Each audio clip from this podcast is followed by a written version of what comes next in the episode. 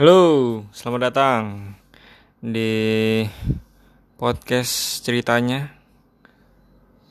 Pod podcast gue ceritanya ini podcast ceritanya. Eh, jadi di sini gue mau cerita cerita tentang eh, suatu kisah, suatu cerita yang mengesankan buat gue sampai sekarang. Dan menurut gue ini ceritanya unik, lucu insya Allah. Langsung aja gue cerita. Jadi dulu eh gue ini anak komplek. Sampai sekarang juga juga masih anak komplek. Nah, eh, jadi dulu tuh gue dari dulu sampai sekarang masih main sama anak-anak komplek ini. Jadi nah dari salah satu anak-anak komplek gue ini ada eh, ini gue samarin aja namanya. Namanya juga nama panggilan sehari-hari. Nama aslinya gue sembunyiin takutnya malu dia kalau dia bisa dengar ini. Namanya Cebong. Kenapa dipanggil Cebong? Ini ada hubungan nama cerita ini.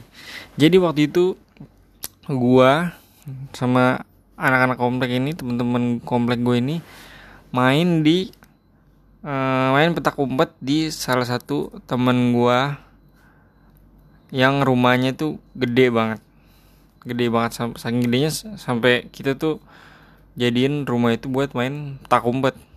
Nah, di situ s- ada suatu saat si cebong ini dia tuh jadi jaga gitu. Kalau jaga tuh kita kita kompet dia yang dia yang nyari. Nah, itu jaga tuh namanya.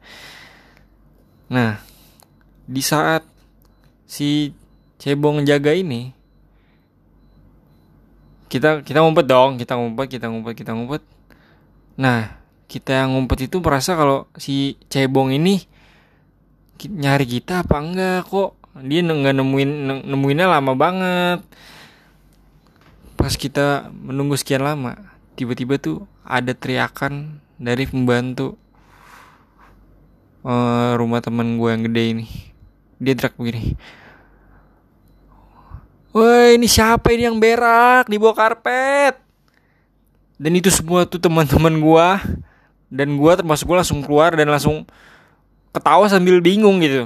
Ini siapa yang berak di di bawah karpet di rumah orang ya allah lu di situ tuh ada kamar mandi rumah segede itu nggak mungkin gak ada kamar mandi gitu loh ya kan?